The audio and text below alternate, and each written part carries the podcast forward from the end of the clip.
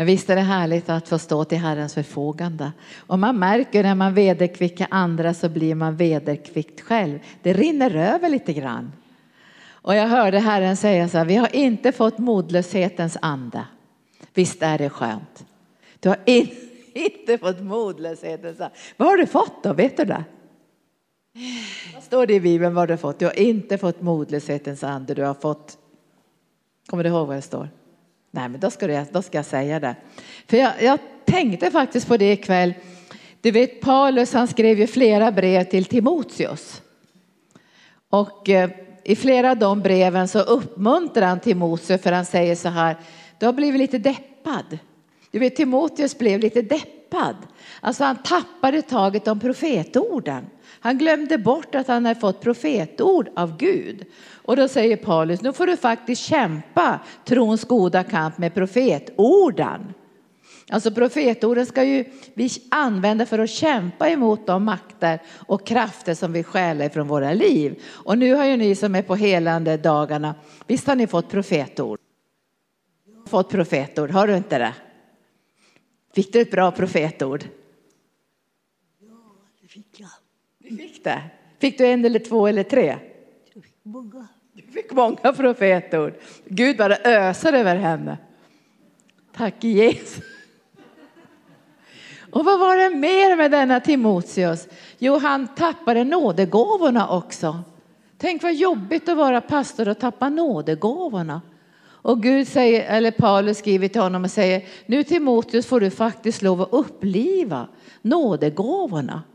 Som, som finns också i dig genom handpåläggningen. Vad tror ni hade skett i hans liv? Han var lite deppad faktiskt. Jag tror han hade ont i magen och diarré. Därför till sist så säger Paulus här, nu får du faktiskt ta lite medicin för din mage. För de hade inte så mycket medicin på den tiden så han kanske hade mycket bakterier eller någonting. Så då sa Paulus, nu får du faktiskt ta lite vin för din mage så det blir bättre. Men jag tror han var deppad. Och då säger Paulus här, du har inte fått modlöshetens ande. Du har fått kraftens ande och kärlekens ande.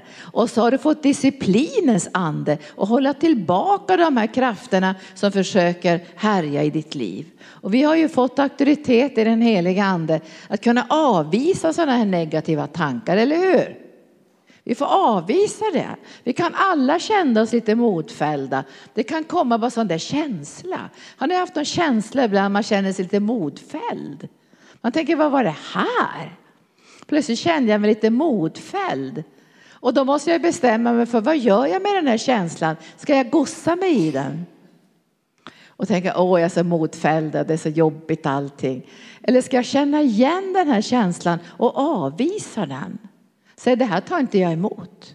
Jag släpper taget om den här känslan, för jag har inte fått modfällda känslor och deprimerade känslor. Jag har fått kraften, kärleken, men också disciplinen att kunna säga nej. Och man måste skynda sig att säga nej.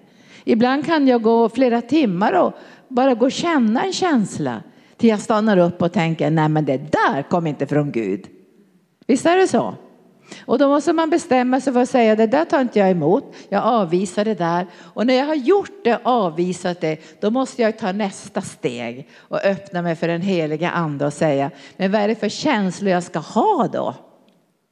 Glädje, frid, Kärlek, det är den heliga andes fruktar och då ger jag utrymme för det istället och då blir det en förändring. Och många gånger kan den förändringen komma väldigt snabbt, bara på några sekunder.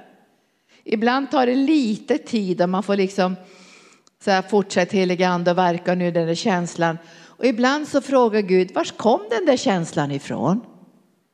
Han sagt så till dig någon gång. Och då säger jag, det vet jag inte. Jo, det vet Därför att då säger Herrens ande så här, nu ska jag visa dig vart det där kom ifrån. Och det kan vara så en liten bagatell bara, att någonting blir jobbigt eller någonting går emot det eller att någon liksom kanske var lite sur eller att det hände något med ekonomin eller kom en räkning du inte tyckte om och så blev det en öppning. Och det är viktigt att vi stänger de där öppningarna så när vi, när vi får, alltså det är inte alltid vi vet var det kommer ifrån, men om vi vet det, då säger vi det här stänger jag. Och nästa gång jag får en liknande prövning, då känner jag igen den och då tänker jag inte öppna mig för den. Var det bra det där? Det där var bara lite inledning. För nu ska jag predika, tack Jesus. Nu ska jag säga något ikväll som kommer att få dig att dansa härifrån. Om du tror på det vill säga.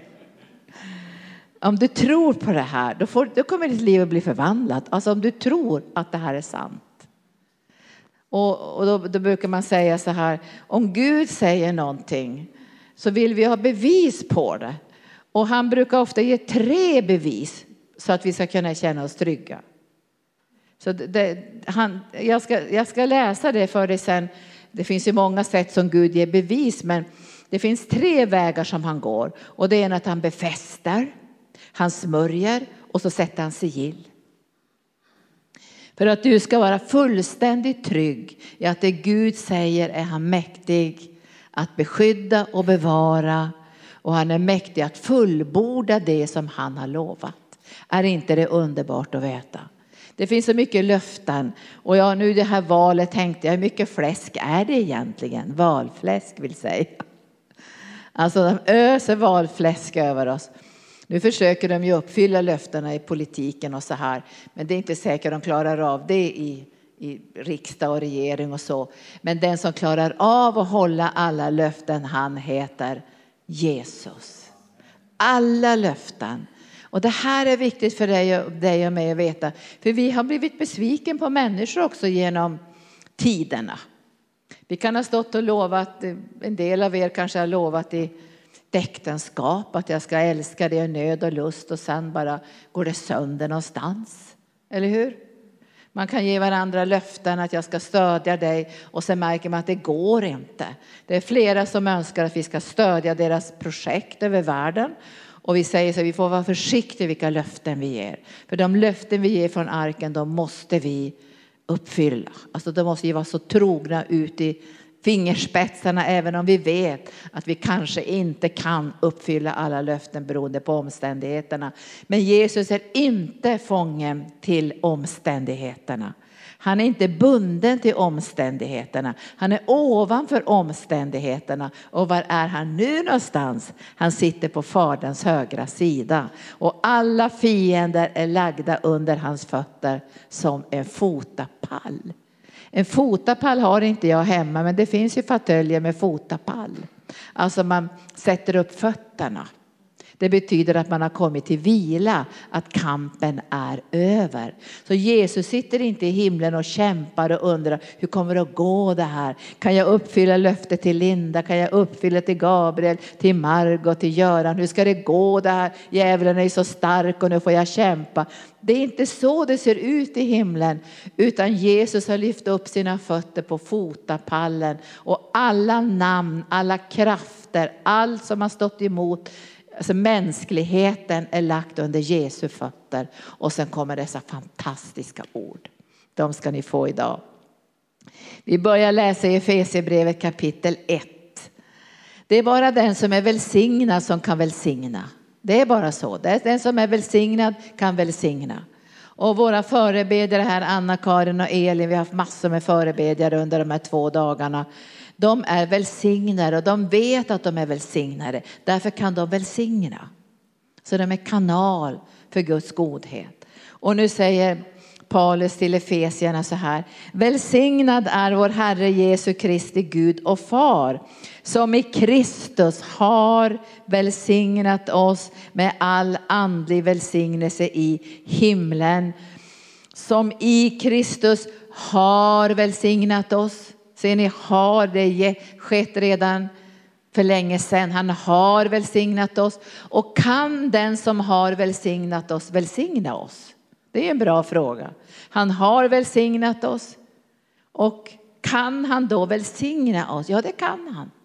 Han som är välsignad kan välsigna. Och sen står det vidare så här. Han har utvalt oss i honom före världens skapelse till att vara heliga och fläckfria inför honom.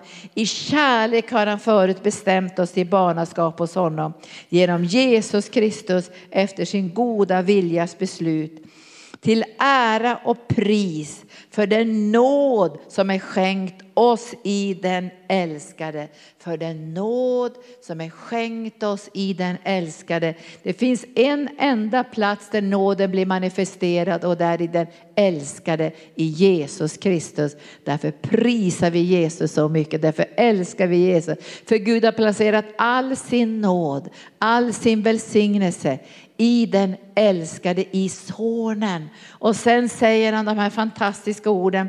I honom, alltså i Jesus, är vi friköpta genom hans blod och fått förlåtelse för våra synder. Tack vare den rika nåd som han lät flöda över oss med all vishet och all insikt. Jag tror inte vi orkar lära, det blir så välsignat så att vi måste stanna upp här. Va? Men han har välsignat oss med all den himmelska världens andliga välsignelser. Och då behöver du och jag veta att de välsignelserna befaller han över oss. Alltså han befaller välsignelserna. Så Gud i himlen befaller välsignelsen att komma över oss. Och problemet med oss människor är att vi vet inte att vi är välsignade. Så vi börjar ta emot det som redan är givet genom Jesus Kristus. Därför man kan inte ta emot, man kan inte ta emot någonting som inte är givet, som inte är godkänt från himlen, eller hur? Då blir det som en slags kamp så här. Och man tänker, är jag, är jag är jag from nog? Har jag åstadkommit nog? Har jag gjort något bra ifrån mig? Då får man en sån kamp på insidan. Man måste veta idag att vi redan är välsignade för flera tusen år sedan i Jesus Kristus. Och Gud önskar av hela sitt hjärta att den välsignelsen ska komma oss till del. Och när du och jag börjar förstå det här, då händer det något på insidan. Vi får det som Bibeln kallar för tro eller förväntan. Förväntan.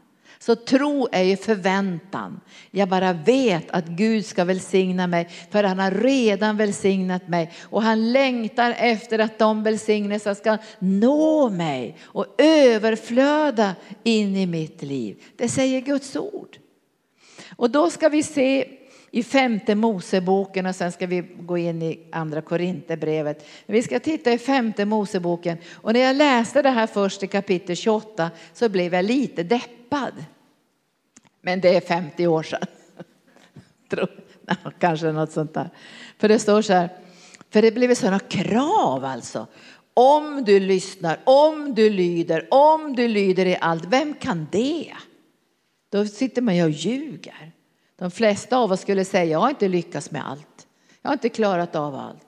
Jag har inte kunnat gensvara till allt som Gud har sagt. Och så, ja, ni vet, det finns brister. Och så står det, om du lyssnar till Herren din Guds röst genom att noggrant följa alla hans bud som jag idag ger dig. Då ska Herren din Gud upphöja dig över alla folk på jorden och alla dessa välsignelser ska komma över dig och nå fram till dig när du lyssnar till Herren, din Guds röst.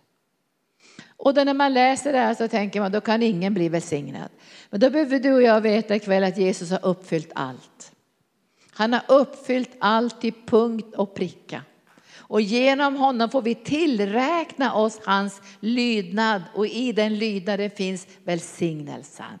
Visst är det bra. Det vi inte klarade av, det klarade Jesus av. Inte undra på att vi prisar honom. Och ju mer vi prisar honom så öppnas våra ögon så vi ser, men jag är välsignad. Och då tränar den heliga ande oss att ta emot de här välsignelserna och tro på de här välsignelserna och gå in i de här välsignelserna.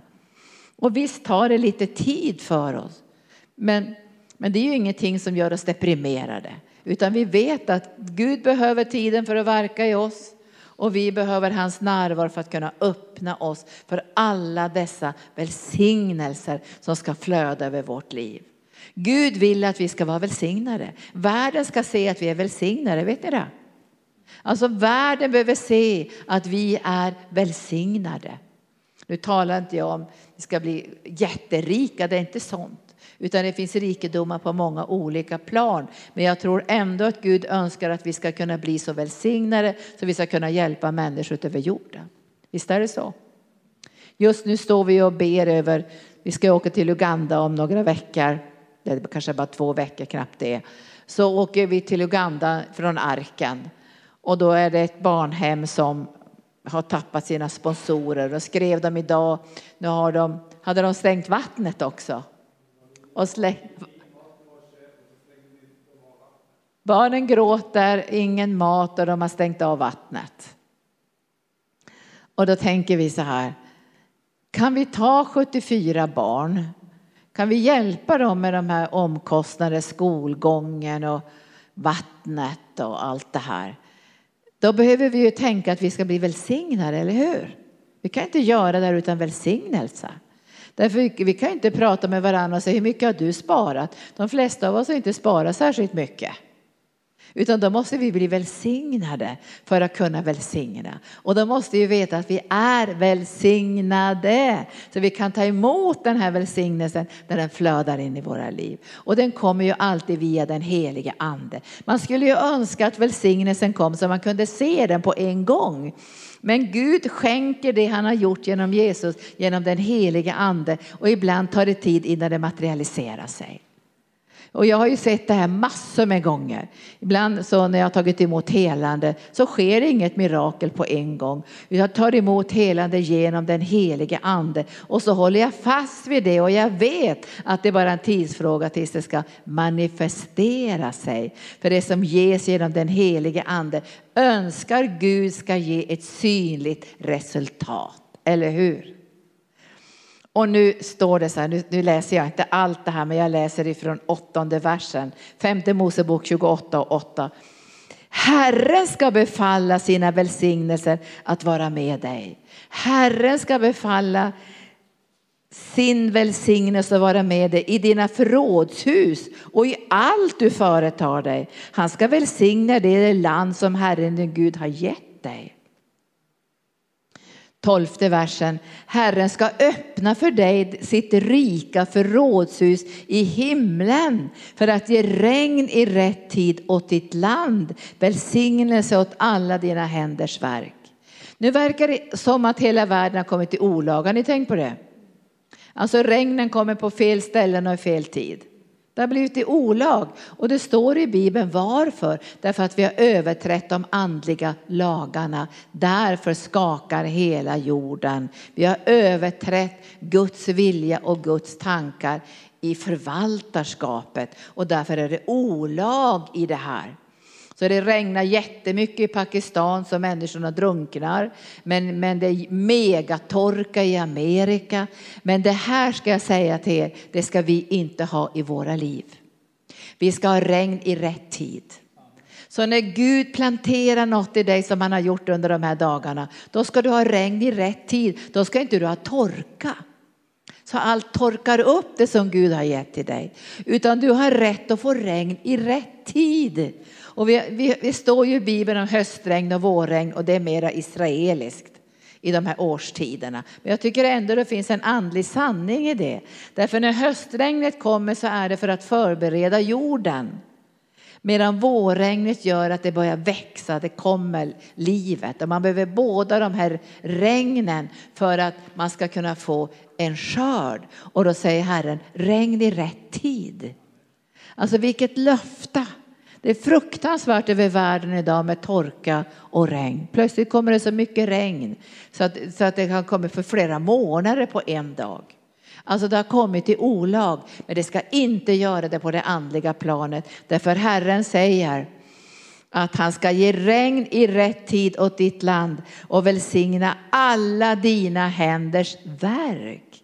Alltså han ska välsigna dina händers verk och du ska förvänta dig framgång. Du ska förvänta dig framgång.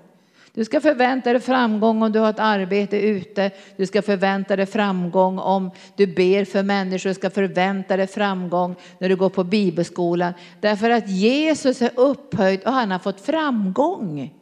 Därför ska du förvänta dig välsignelse i Jesus Kristus. Du ska förvänta dig att du ska få framgång.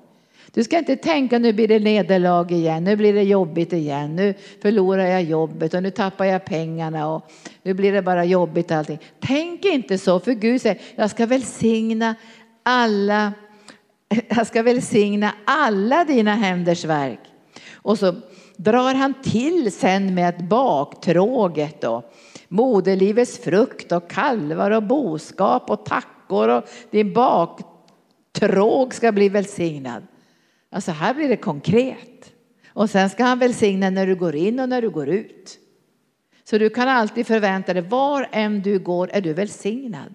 När du går in i ett rum, när du går någonstans och möter människor, då ska inte du tänka, och ingen kommer att tycka om mig, det blir nog inget bra, jag kommer att växa ihop med väggen.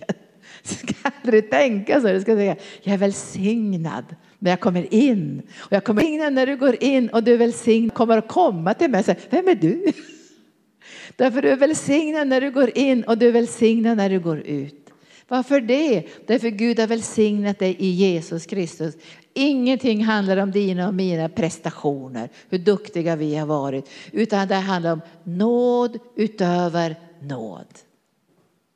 Vad säger han mer? Herren ska göra det till huvud och inte till svans. Han säger så här, om fienden kommer emot dig på en väg ska de få fly på sju vägar. Därför att du är välsignad. Och det, det, är bra att läsa det här för att den här välsignelsen är i Jesu lydnad. Så vi kan inte säga men jag har varit duktig, nu har jag klarat av det här. Det ligger inte ens på det planet utan det ligger på det planet att han har lyckats. Han kan ge välsignelsen för han har fått välsignelsen av sin far och han kan ge den vidare. Och då ska vi titta på andra Korintierbrevet 1 och 20. Och det var det här som Herren sa till mig att jag skulle dela med den här kvällen. För jag tänker så här, jag måste i hela mitt hjärta tro på att Jesus kan uppfylla det han har lovat. Alltså jag måste tro på det. Jag kan inte tvivla ett ögonblick på det. Och tvivlar jag på det måste jag be Gud om förlåtelse. Därför han är trofast. Och för att Gud ska stadfästa det här. Och så, nu ska jag läsa det här från andra Korinthierbrevet kapitel 1. Och sen läser jag ifrån 19 versen. Och nu talar Paulus om hur han själv predikar. Han svajar inte så här att Gud ena stunden tar ifrån oss allt och i nästa stund välsignar han oss. Och ena stunden ger han oss sjukdomar och andra stunden helar han oss. Det, den ambivalensen finns inte hos Gud. Därför det skiftar inte mellan ljus och mörker. Det gör det i våra liv och i, i våra familjers liv och i vår uppväxt har det skiftat så här. Så ena dagen fick man godis och andra dagen fick man stryk. Jag menar, det, det skiftade. Men Gud är inte på det sättet. Alltså Gud är konstant. Därför bara goda gåvor och fullkomliga skänker kommer ovanifrån. Från himla ljusets fader. Det sker ingen växling mellan ljus och mörker. Och, och jag tänker ibland det är fruktansvärt när man tror att Gud ger folk sjukdomar.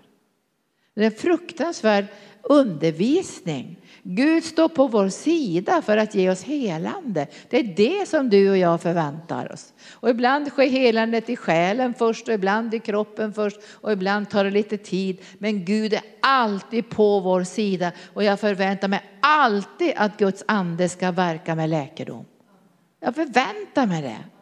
Därför om, om, om man ger sina barn sjukdomar för att få kärlek, jag tror man blir inlagd faktiskt.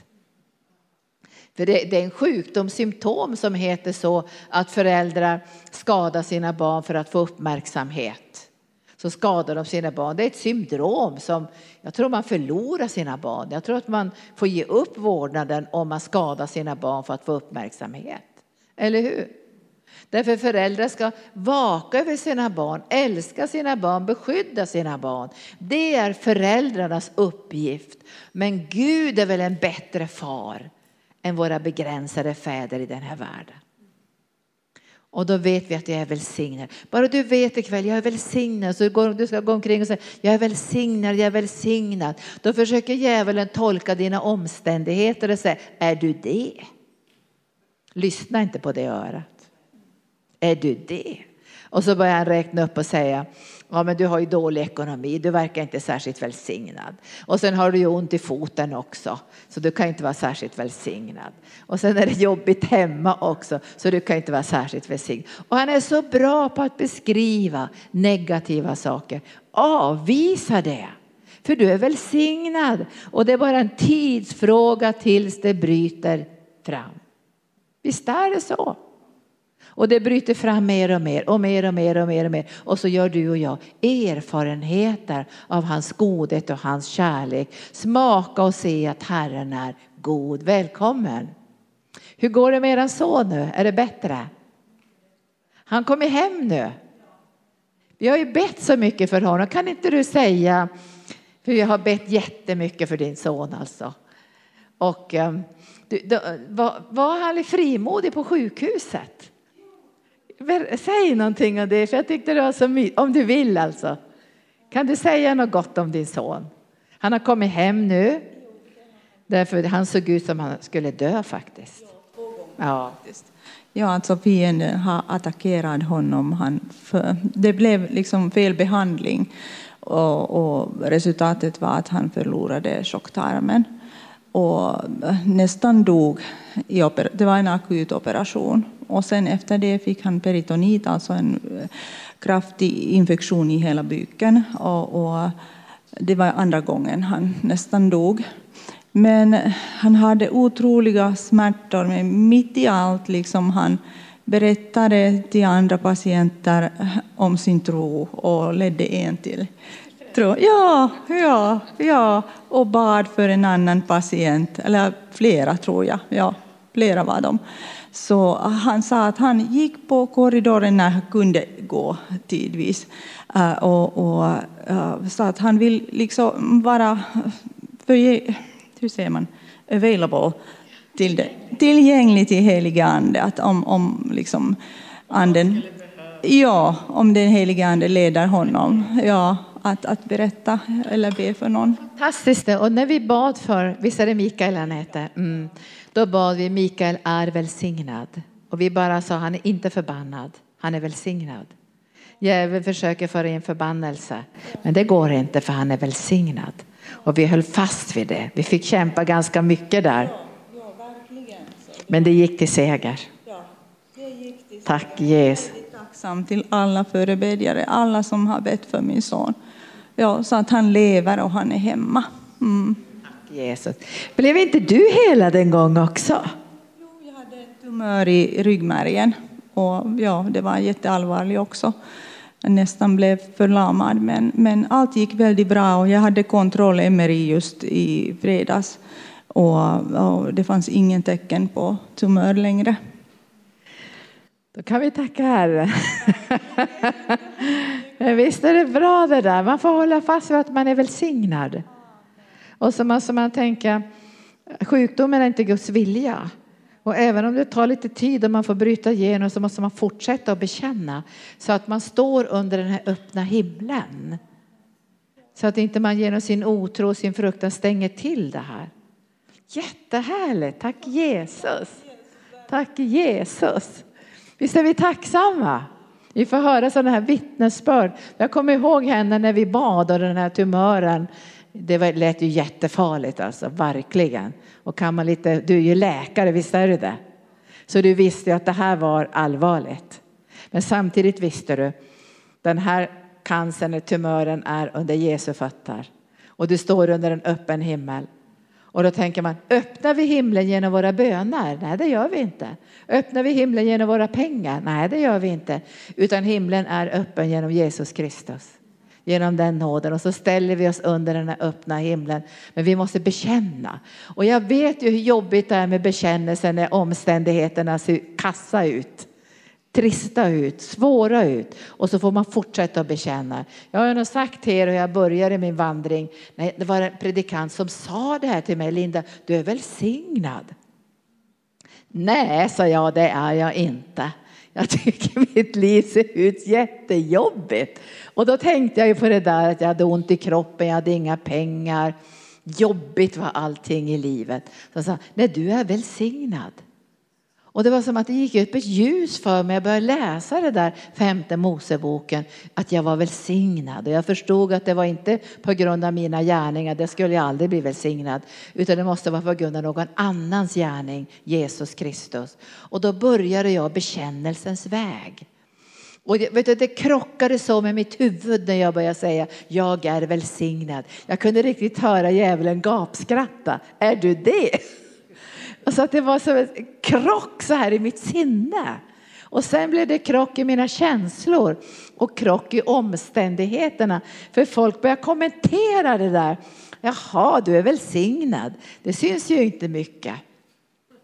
Det var lite snälla emot mig. Men då hade jag ju en kompis som, var, som hade mer kärlek till mig. Så sa hon, bråka inte med Linda, det är bara en tidsfråga förrän det syns. Och idag tror jag att det syns en hel del av välsignelsen, även om jag skulle önska ännu mer. Men när jag tittar ut över världen och tänker, tänk att vi här i arken har nästan varit med och gett Jesus 90 hus utöver världen. Och ännu mer ska vi ge honom. Därför att vi tror att vi är välsignade. Vi ber inte om de finaste bilarna och snyggaste kläderna. Så det är inte intressant för oss. Men vi önskar att kunna välsigna ut över världen. Och vi är välsignade, därför kan vi välsigna. Så det är vår bekännelse. Och jag börjar ju märka det här mer och mer på min hälsa på mitt, på mitt psykiska tillstånd. Jag var sakta men säkert började känna så här, men jag kanske är välsignad. Jag började känna att jag var välsignad. Livet började bli lite lättare. Och mer och mer kände jag, men jag är nog välsignad. Men jag fick gå bekännelsens väg. Alltså jag fick börja tala ut i anden över mitt liv. Jag är välsignad. Och nu tycker jag att det inte är särskilt ofta som jag hör djävulen säga så här, ja men du är nog inte välsignad. För jag känner att jag blir mer och mer befäst i Jesus. Jag är mer och mer trygg i Jesus. Jag har mer och mer insikt om vem jag följer och vem jag älskar. Men nu har ju åren gått, men det var svårare i början när jag inte kände Jesus så väl. Men nu läser jag det här. Guds son 1 och 19 i andra Korinthierbrevet. Guds son Jesus Kristus som vi har predikat hos er. Jag, Silvanus och Timoteus.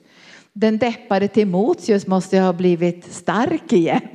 För nu börjar han tala Guds löfte öppen och det här står skrivet. Och han var ju så deppad så han hade tappat profetorden och nådegåvorna och frimodigheten. Men man kan komma igen också, eller hur?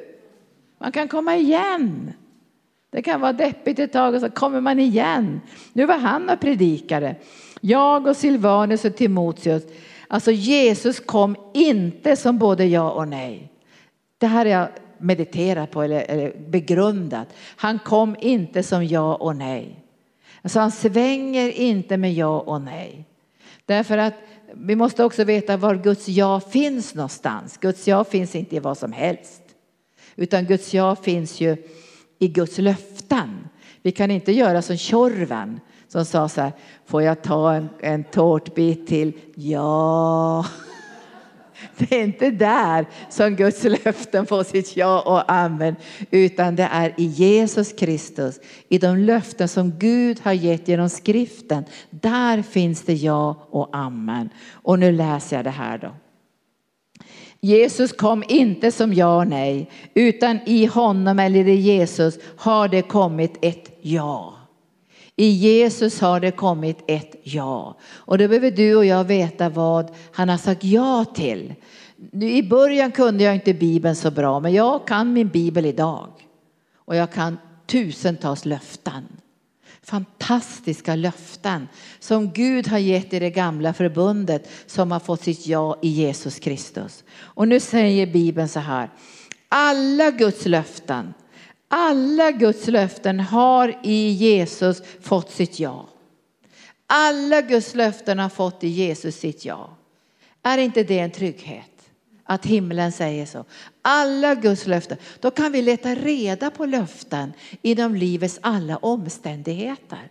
Vi kan hitta problemen och löftena. Jag kan slå upp kanske 20 bibelställen om fruktan Och sen kan jag slå upp 20 bibelställen där Gud löser mig från fruktan. Jag ska bli fri från alla mina fiender och tjäna honom utan fruktan i alla mina livsdagar. Han ska låta sin kärlek driva undan all fruktan. Och då hittar jag löften som jag kan hålla fast vid och bekänna mig till. Och inte bara bekänna, men bedja ut och tacka Gud för.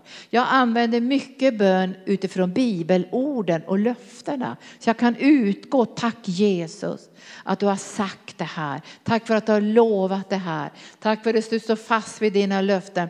För, för många av oss har blivit så lurade av människor. Och jag brukar ju berätta om den där lilla flickan som fick löfte från sin alkoholiserade pappa. Jag har aldrig sett någon som är så sorgsam. Men jag tror han trodde på sig själv, han var en mytoman. Alltså han trodde på sina löften. Så han sa till henne, när du fyller sju eller var det sex eller vad det var, ska du få en röd cykel, din önskan. Alltså hon såg den där cykeln och han sa när du vaknar på morgonen när du har fyllt år, då ska du titta vid sängen så står det den röda cykeln. Jag tror faktiskt han trodde på det själv, för han var lite full när han sa det. Men det här barnet tänkte, min pappa, han uppfyller sina löften medan jag visste, kommer han aldrig att göra. Och på den tiden hade jag inga pengar så jag kunde inte köpa den där cykeln, annars hade jag gjort det. Men det blev ju ingen cykel, det fanns ju ingen cykel, han uppfyllde inte sitt löfte. Men den sorgen, den smärtan, den besvikelsen som fanns i det här barnets ögon ska aldrig finnas i dina ögon när det gäller Jesus. För han är mäktig att uppfylla.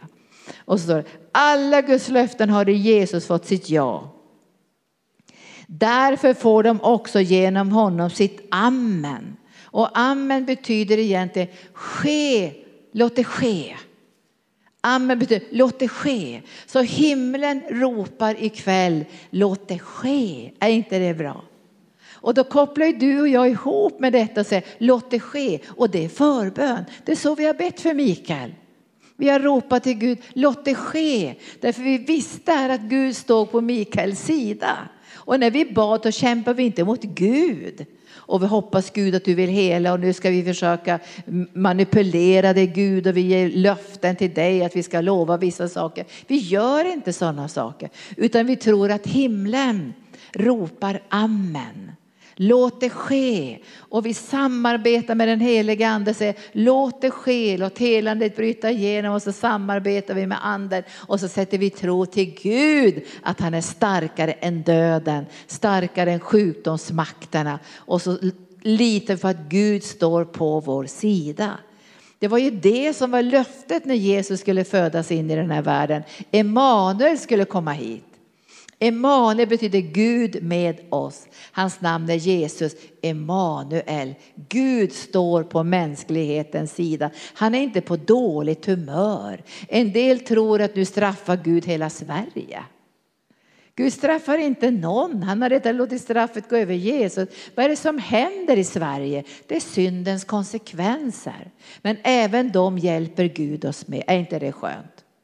Om du har fått konsekvenser av synden så är ändå Gud på din sida och hjälper dig. Vi har sett det massor med gånger. Kommer du ihåg en kille som blev frälst och han hade varit på med lite kriminella grejer så det var ganska svarta saker i hans liv och han är som syndanöd för det där då. Så vi pratade med honom hur vi skulle göra med polisen och bekännelsen och allt det där. Och vi kom fram till att vi skulle sätta tro till att Gud skulle hjälpa honom med konsekvenserna och att han skulle få nåd hos polismyndigheterna. Och det gick faktiskt bra för honom. Jag tror han fick fotboja eller något sånt där. Det vart inte särskilt mycket, tack Jesus. Favör med konsekvenserna. Därför är det inte Gud som straffar, det är synden som får konsekvenser. Så vi ser frukten av synden och det står att när synden har fullmognat så blir det död. Men Gud är på vår sida. Så var inte deppad heller om du har gjort grejer som har fått konsekvenser. Så kommer Gud att hjälpa dig med de konsekvenserna för han står på din sida. Amen betyder låt det ske, låt det ske. Och varför det? Nu läser jag bara till. För att Gud ska bli ärad genom oss. Alltså Gud vill att vi ska få bönesvar för då blir han ärad. Så han står inte på djävulens sida och tänker, ja liten droppe kan de få, jag håller igen lite grann. Gud vill inte hålla igen Vad står det i Bibeln? Han ger anden utan begränsning. Alltså Gud är större, finare, mera kärleksfull och underbar än du och jag förstår idag. Och därför måste vi få våra ögon öppnade så alla vrångbilder och nidbilder och begränsningar Gud får vika undan. För vi är välsignade. Välsignade. Och jag läste inte det starkaste här i femte Mosebok i 28 för det står du ska inte behöva ta lån själv, du ska ge lån till andra. Det står i femte Moseboken, men det tror ju ingen på riktigt än. kanske vi kommer att göra. Och vi ska vara huvud och inte svans, över och inte under. Fantastiska löften. Och vi ser ju hur det judiska folket är välsignade, säger vi inte det? Hur välsignade de är över hela världen i en förföljelsetid. Alltså vilka upptäckter, vilka Alltså man, man blir imponerad över hur Gud har välsignat det judiska folket. Och då är de ändå i en, en uppror kan man säga, eller i en förskingring eller i en, att de har blivit täckta för att vi ska kunna bli frälsta, vi som är hedningar. Men ändå är de så välsignade. Hur ska det bli när täckelset försvinner? Det talar Bibeln om. Då kommer det bli som kraft över det judiska folket så det kommer bli som att de har uppväxt från de döda. Alltså det kommer bli som dundervälsignelse, synlig dundervälsignelse. Och redan nu är de välsignade. Och då behöver du och jag ta emot den här välsignelsen utan att skämmas. Därför den är given och vi ska åberopa den och vi ska göra anspråk på den och vi ska be ut den. Därför vi är välsignade. Och du ska inte bara nöja dig med en skorpa. Du vet ju kvinnan, kananeiska kvinnan, hon nöjde sig med en smula. Men det var inte Guds vilja för barnen. Han säger så här, den här kvinnan tillhör inte förbundet. Men hon får ändå full välsignelse på grund av sin tro att hon tog den här smulan. Men Jesus talar om barnens bröd. Nu läser jag vidare, nu, nu kommer det bästa här. Gud vill att vi ska få bönesvar så att han ska bli ärad genom oss. Vers 21. Det är Gud som befäster oss och er i Kristus. Det är Gud som befäster oss. Och befästelse är viktigt, det ska vi be ikväll. Han befäster. När vi har tagit emot någonting från Gud så försvinner det ganska snabbt om vi inte befäster det. Och då måste vi, hur ska vi kunna befästa det? Då får vi panik. Och jag får inte tappa de här profetorden, jag måste hålla fast vid de här profeterna. Gud, gode Gud, tänk om jag tappar det, tänk om jag tappar det. Så har jag tänkt också. Men det är Gud som befäster mig. Så jag kan säga Gud befäst det här nu. Jag fick de här fantastiska profetorden. Befäst dem genom din ande. Behåll dem i mitt innersta. Det är du som befäster och då, då får vi frid. Vi blir inte så oroliga så vi tänker, tänk om jag tappar det här, tänk om jag tappar det här, tänk om det försvinner från mitt liv. Det är Gud som befäster. Alltså det är Gud som gör det här verket och det ska han göra ikväll i era liv som har varit på helande dagarna. Vad ni har tagit emot ska Gud befästa. Och det är samma sak med oss allihopa. Vi är på väg i en vandring med Gud och han gör nya saker varje dag. Det är han som befäster. Men be honom att han ska befästa det. För annars kan det bara rinna bort ifrån våra liv. Alltså när jag läser Bibeln och så säger jag någonting underbart till mig. Då kan jag glömma det en timme senare. Så tänker jag inte på, sa han inget underbart till mig igår? Glöm inte att be honom befästa det. När du hör någonting fantastiskt från himlen, Gud talar genom ordet, säg kom helige ande och befästa så det sitter fast. Det ska sitta fast i min ande och i min själ. Låt det bara brännas fast. Låt det bli fäst på insidan. Och inte bara det, det är så han ska befästa och han ska smörja oss det är Gud som befäster oss och er i Kristus och som har smort oss. Och vi behöver smörjelse för att kunna leva i det som är befäst.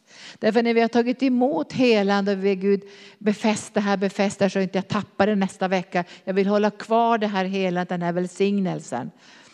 Så måste vi be att Gud ska smörja oss. För det är smörjelsen som ger oss hjälp, eller hur?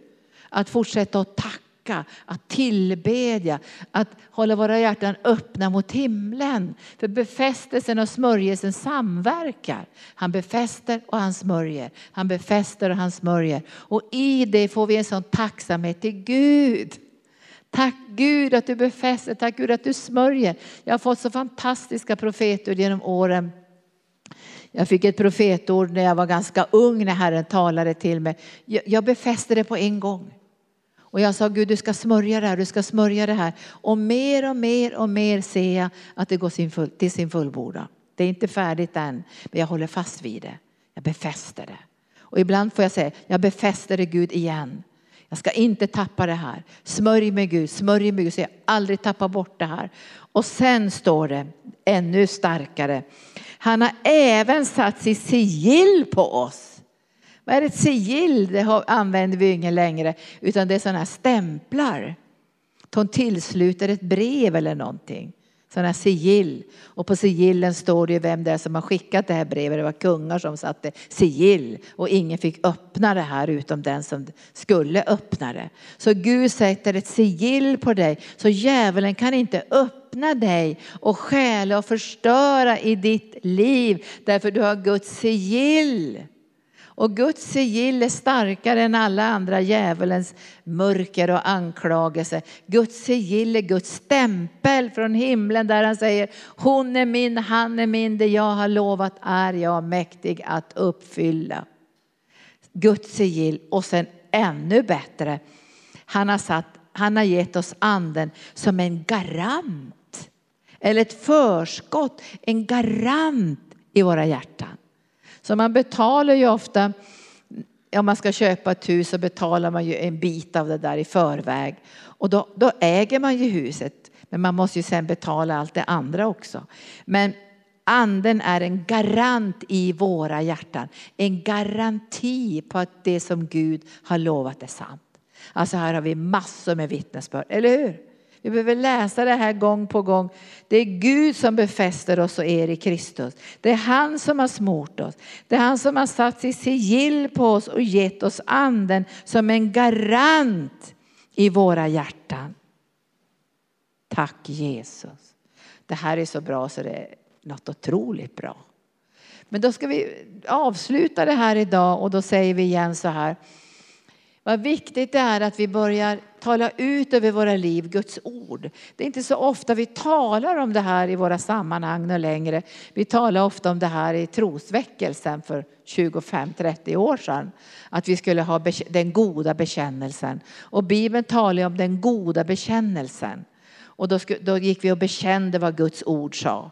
Men det gör vi fortfarande, men vi gör också det här till en tacksägelsebön. Alltså vi bekänner och så tackar vi Herren och så prisar vi Herren. För det som han har lovat är han mäktig att uppfylla. Och de bibelställena finns ju också i skriften. Alltså han som har gett löftena, han är mäktig att uppfylla dem. Och då behöver vi träna oss i också att avvisa negativa tankar eller ignorera dem. Nu tycker jag inte att det är så hemskt ofta i mitt liv längre att jag bombarderas med alla möjliga negativa tankar. För jag tycker att jag har lärt mig genom åren att ha på vapenrustningen. Att jag, att jag påminner mig om att jag har vapenrustningen. Jag har pansaret över mitt hjärta. Jag har trons sköld som släcker pilarna. Jag har Guds svärd som kan, är Guds ord. Jag har bältet runt min midja som är alla Guds ord. Och jag har hjälmen på mitt huvud och jag har skor på mina fötter. Alltså vi har komplett vapenrustning för att kunna vandra i den här världen som är full av ondska och kunna behålla våra hjärtan rena och tro på Gud. Men jag tycker det vackraste i det här som, jag, som ger mig frid i alla fall det är jag står under en öppen himmel som aldrig någonsin kommer att stängas. Och då tänker jag, tänk om Gud stänger himlen och jag har varit lite dum. Det, det tror ju de nyfrälsta kanske. Att nu stänger Gud himlen och nu förlorar jag min frälsning.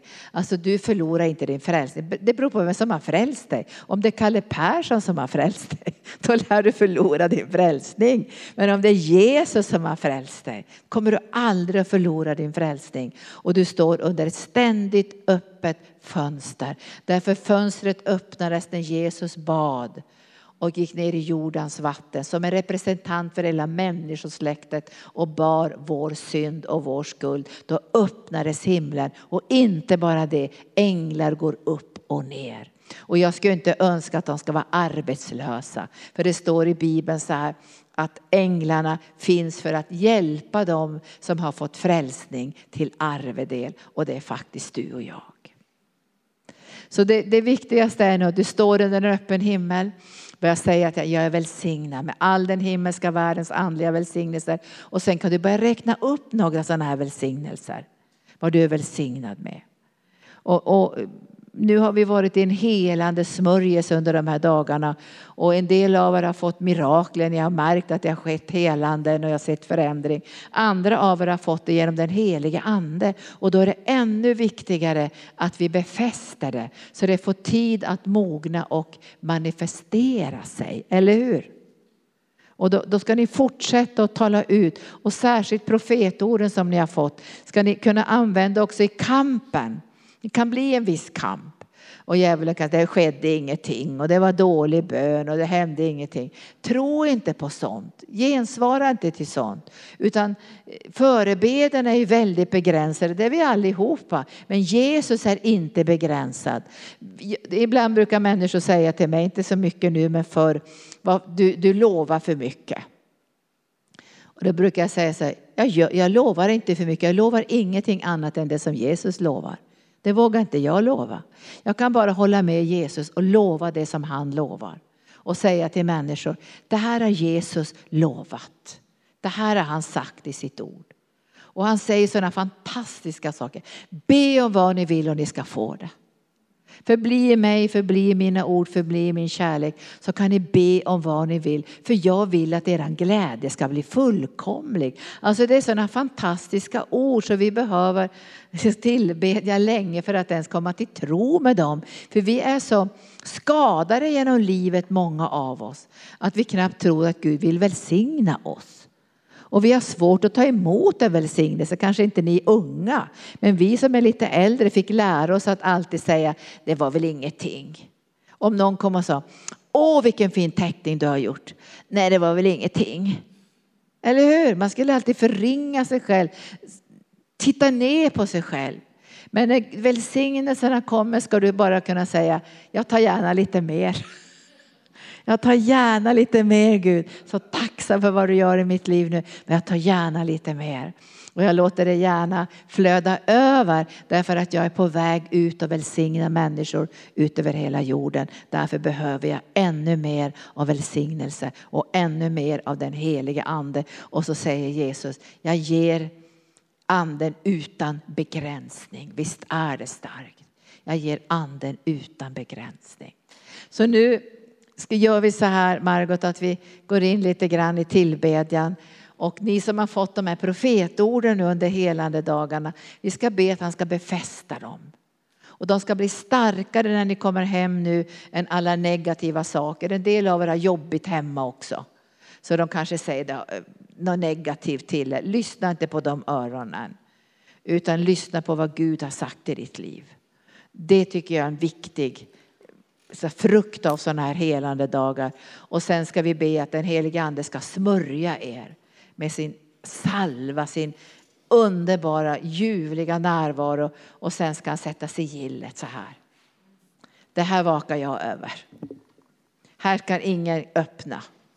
För det står ju i Bibeln så här, vem kan öppna sigillet? Och då börjar Johannes att gråta. För de står så ingen kan öppna sigillet. Ingen kan öppna sigillet. Men då säger fadern, jo det är en som kan öppna sigillet. Det är lejonet av Juda. Och när han sätter sitt sigill på dig, låt inte djävulen öppna det sigillet. Det är bara Gud, Jesus, som får öppna det här sigillet. Och han tillsluter ditt hjärta från mörkrets makter för att det som han har lagt i ditt liv ska ha tid att utvecklas, tid att mogna, tid att växa. Är det bra det jag säger ikväll? Mm. Jag är välsignad. Mm. Halleluja. Mm. Tack Jesus. Är det lätt att säga det? Säger du det varje dag? Du säger det? Du ska ju säga det varje dag, så här, jag är välsignad. Ja.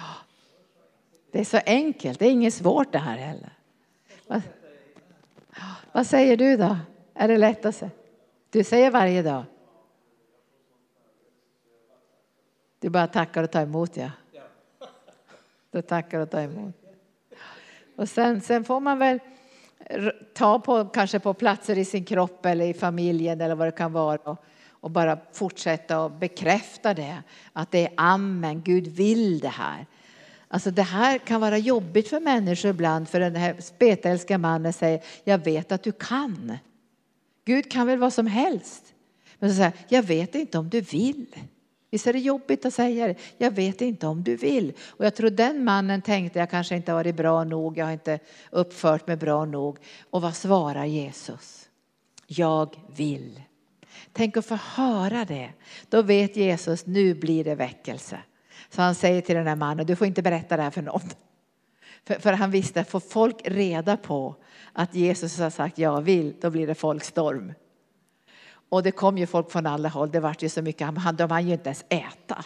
Därför det vart folk från alla, alla håll som kom med sina sjuka och la dem vid hans fötter. Men tänk och hör, och det ska du höra ikväll, jag vill.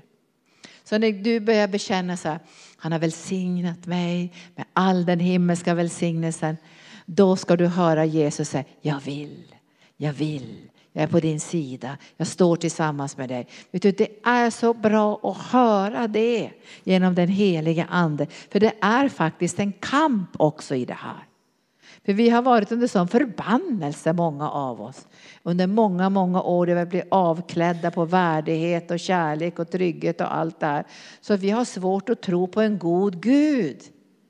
Alltså vi vill inte erkänna det, men det kan vara så på insidan. Och då behöver han mjuka upp oss och säga det många gånger så här. Och det var en, en forskare som sa, har du hört någonting negativt om en person eller om Gud så måste du höra positivt sju gånger för att det ska rinna av dig. Så man behöver höra det gång på gång och det är den helige andes jobb. Så du kan säga till Jesus här, säg det igen.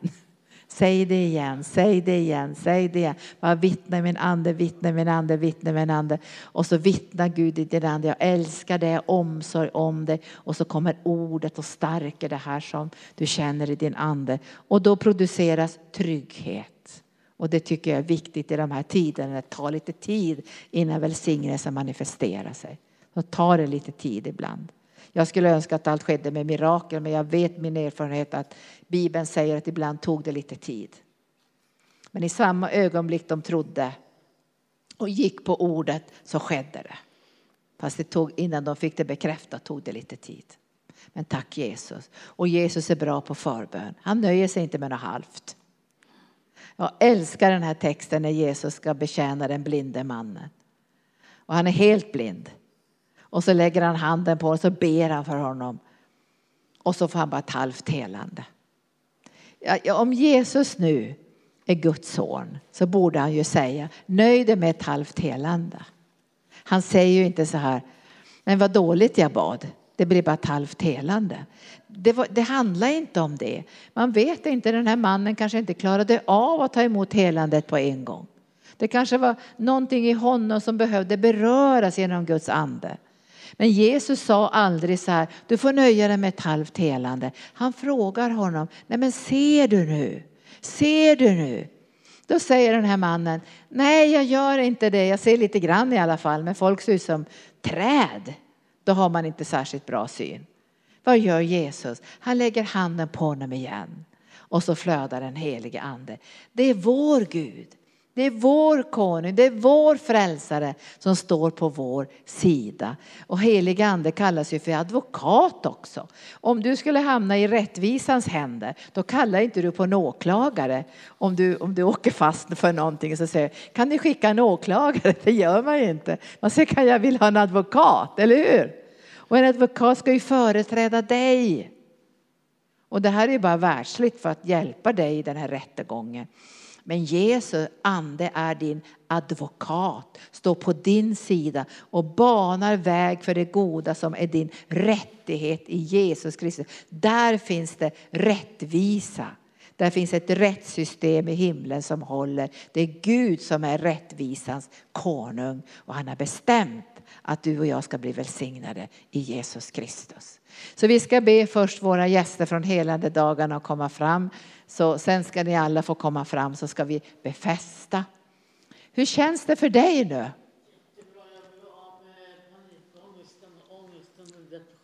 och först, första natten kunde jag knappt sova någonting.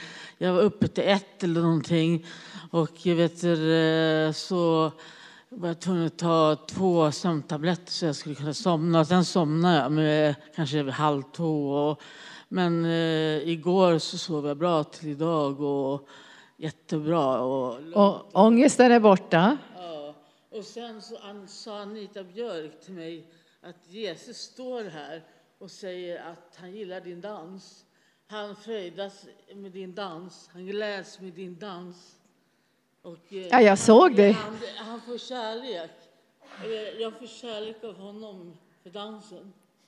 Han, gillar, han blir behagad när jag dansar. Jag behagar honom med dansen. Ja, men, det, Upphöjer honom med dansen. ja, men jag tror faktiskt det. Att du gör det. Det. Ja, det är så. Vi såg ju dig ikväll hur du dansade här. Det bästa jag vet är att tjäna Gud och Jesus hundraprocentigt. Tack Jesus. Nu ska vi befästa det Gud har gjort. Tänkte så där med, vi hittade inte, jag skulle sätta in 100 kronor i den här kortautomaten, vi hittade inte den. Du hittar inte kortautomaten? Nej. Rut, var har vi kort? Du kan ta det sen.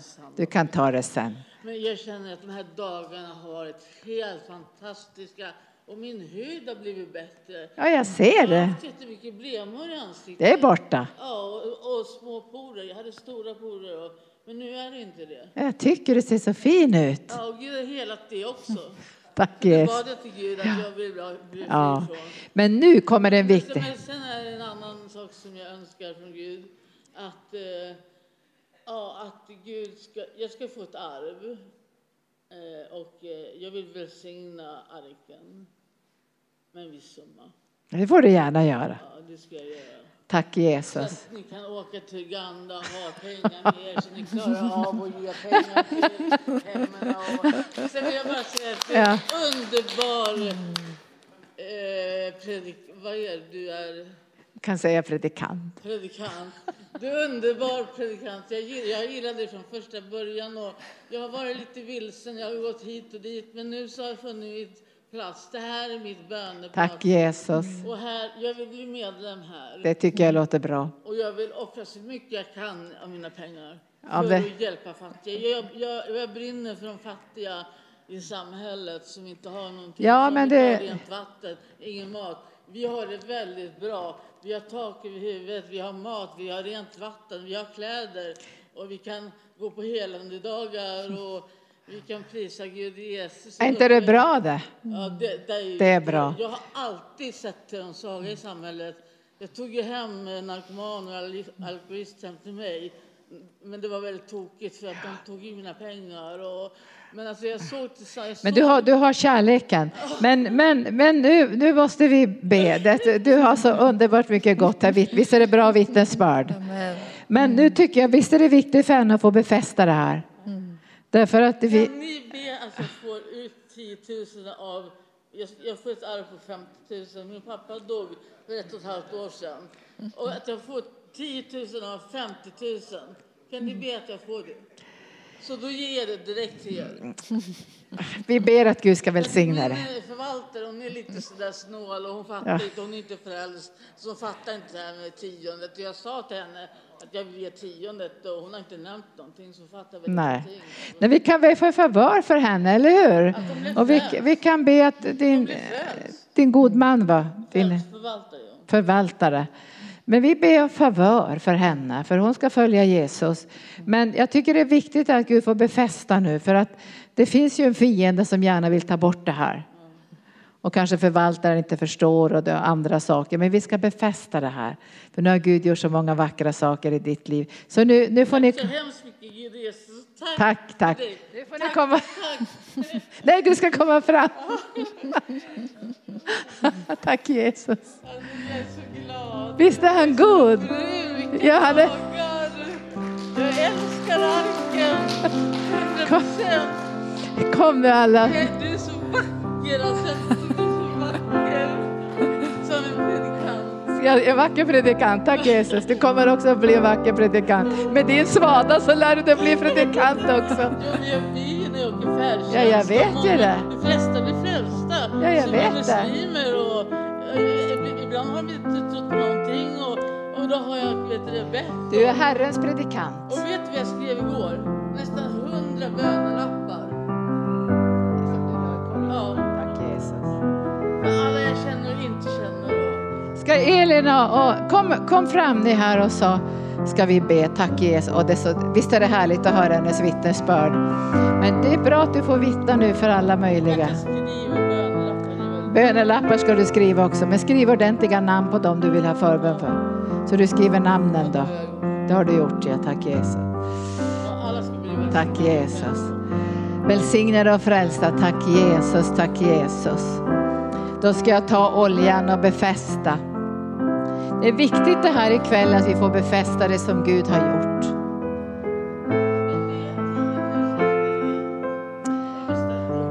Ja, om du har bestämt det så då, då, då, då säger du bara till Herren.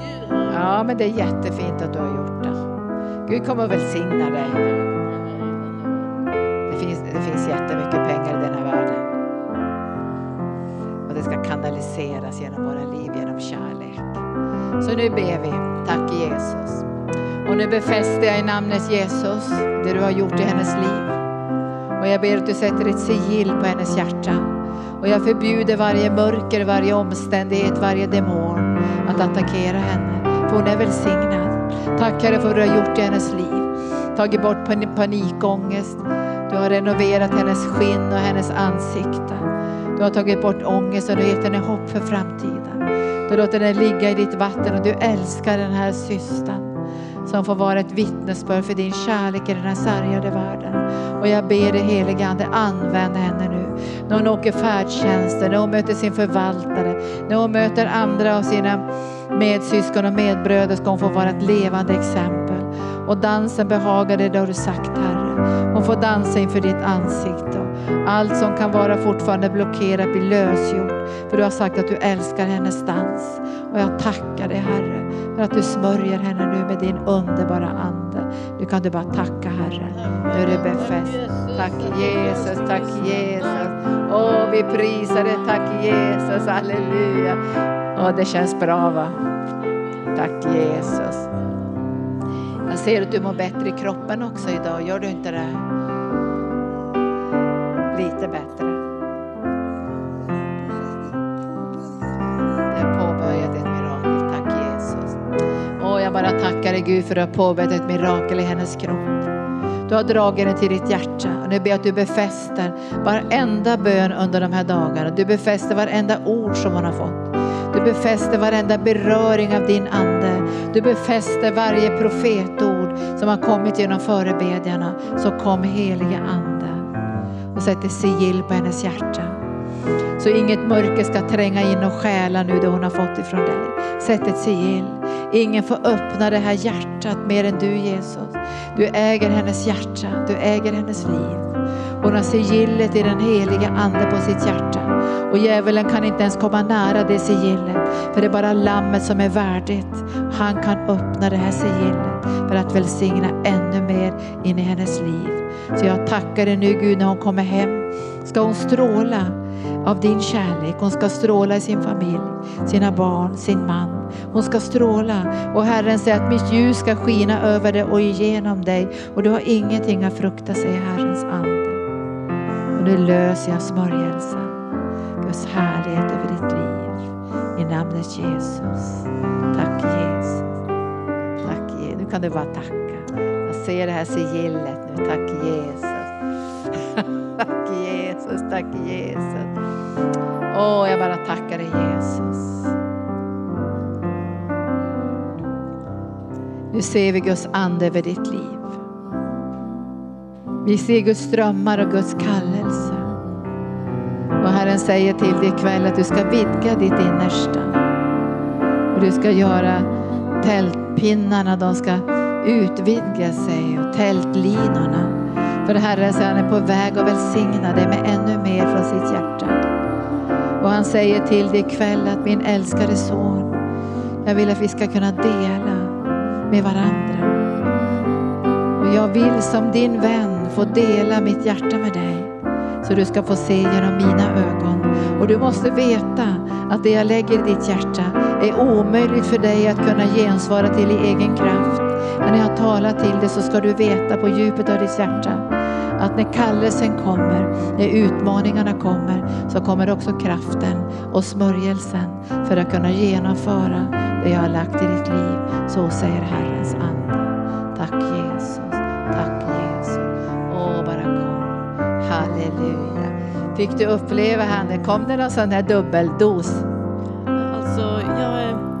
Alltså, jag med profetior så det, jag har fått ta emot mycket. Men jag tror att det är också viktigt att eh, befästa det som du säger. Att man ska, för jag tror att själen hänger inte riktigt med i allting så det kommer så mycket gott hela tiden så att man får befästa det. Hörde ni det? Den här tjejen har fått jättemånga profetior.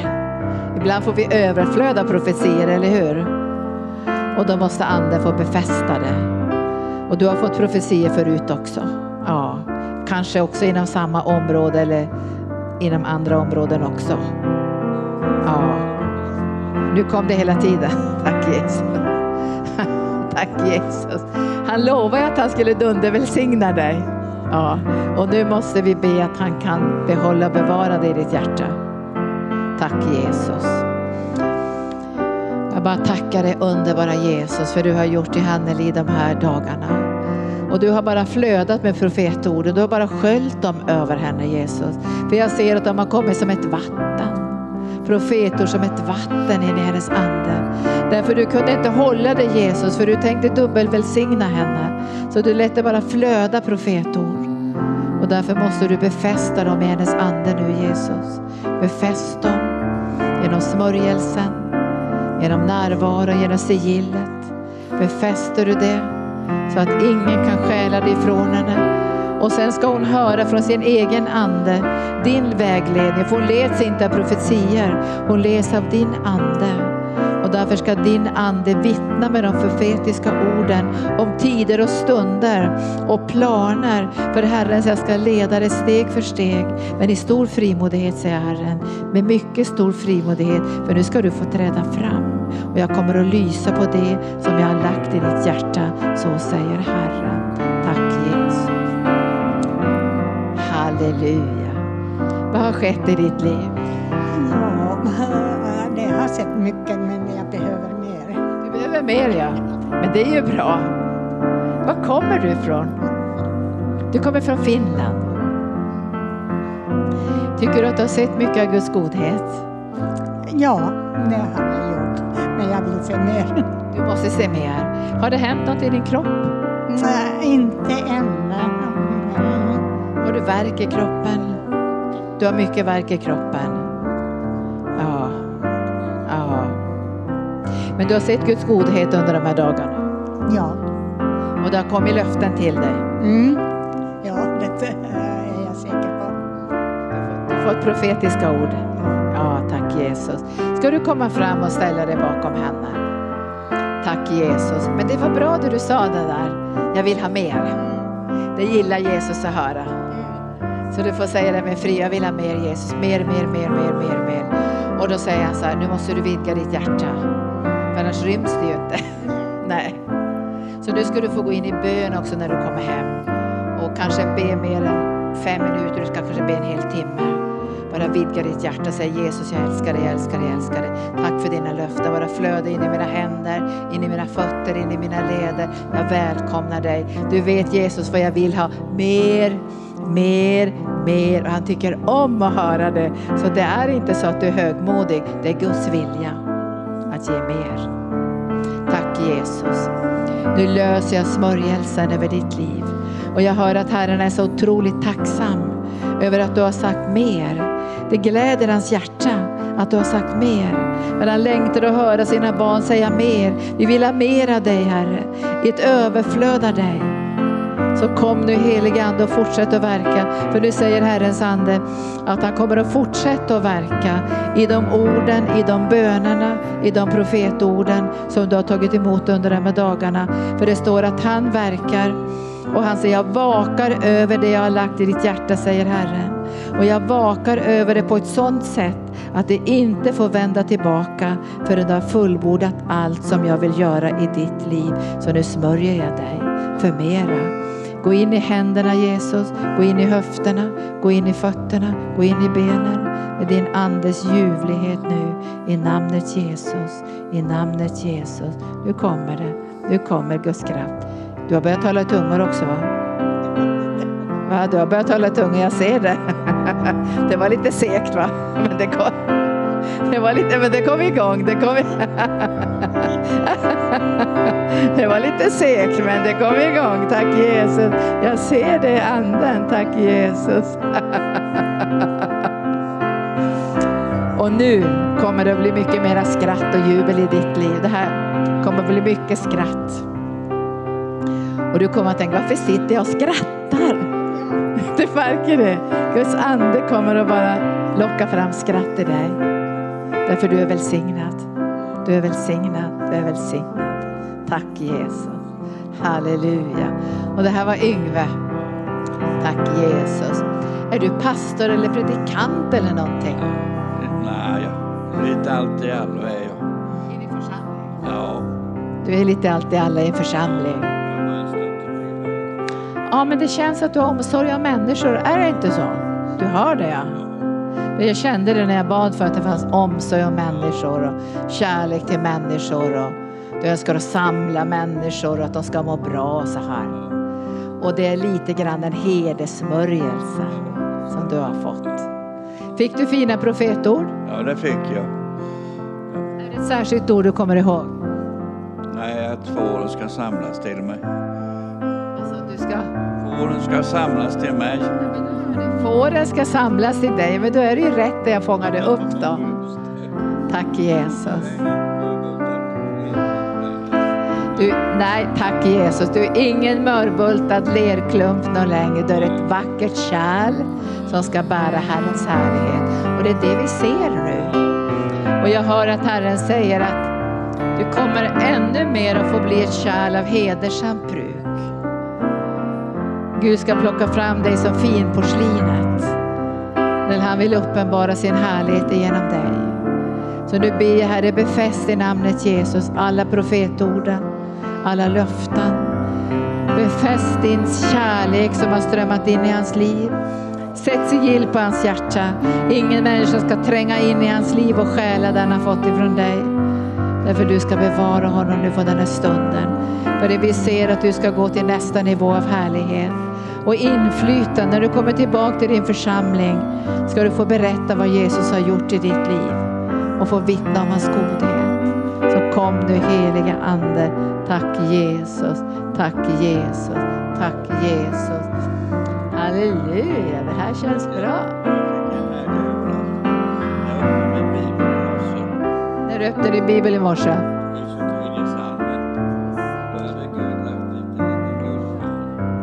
Hade han gjort det? Hörde ni det?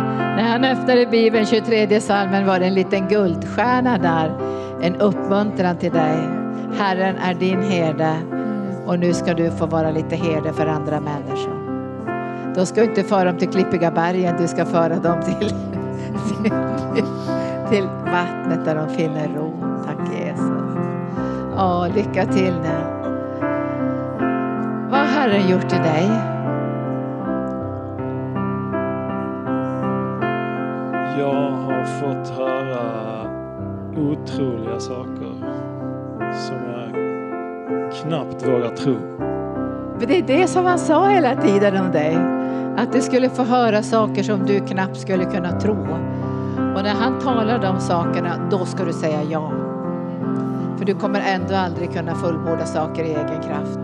Men när du säger ja, då kommer Gud att lägga den här mönsterbilden och planen på insidan och stegen och kraften.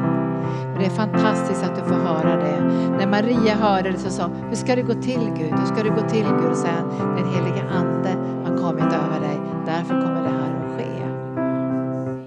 Men det som är bra där som vi ska be ikväll att han ska befästa och han ska smörja och påminna. Det är anden som påminner.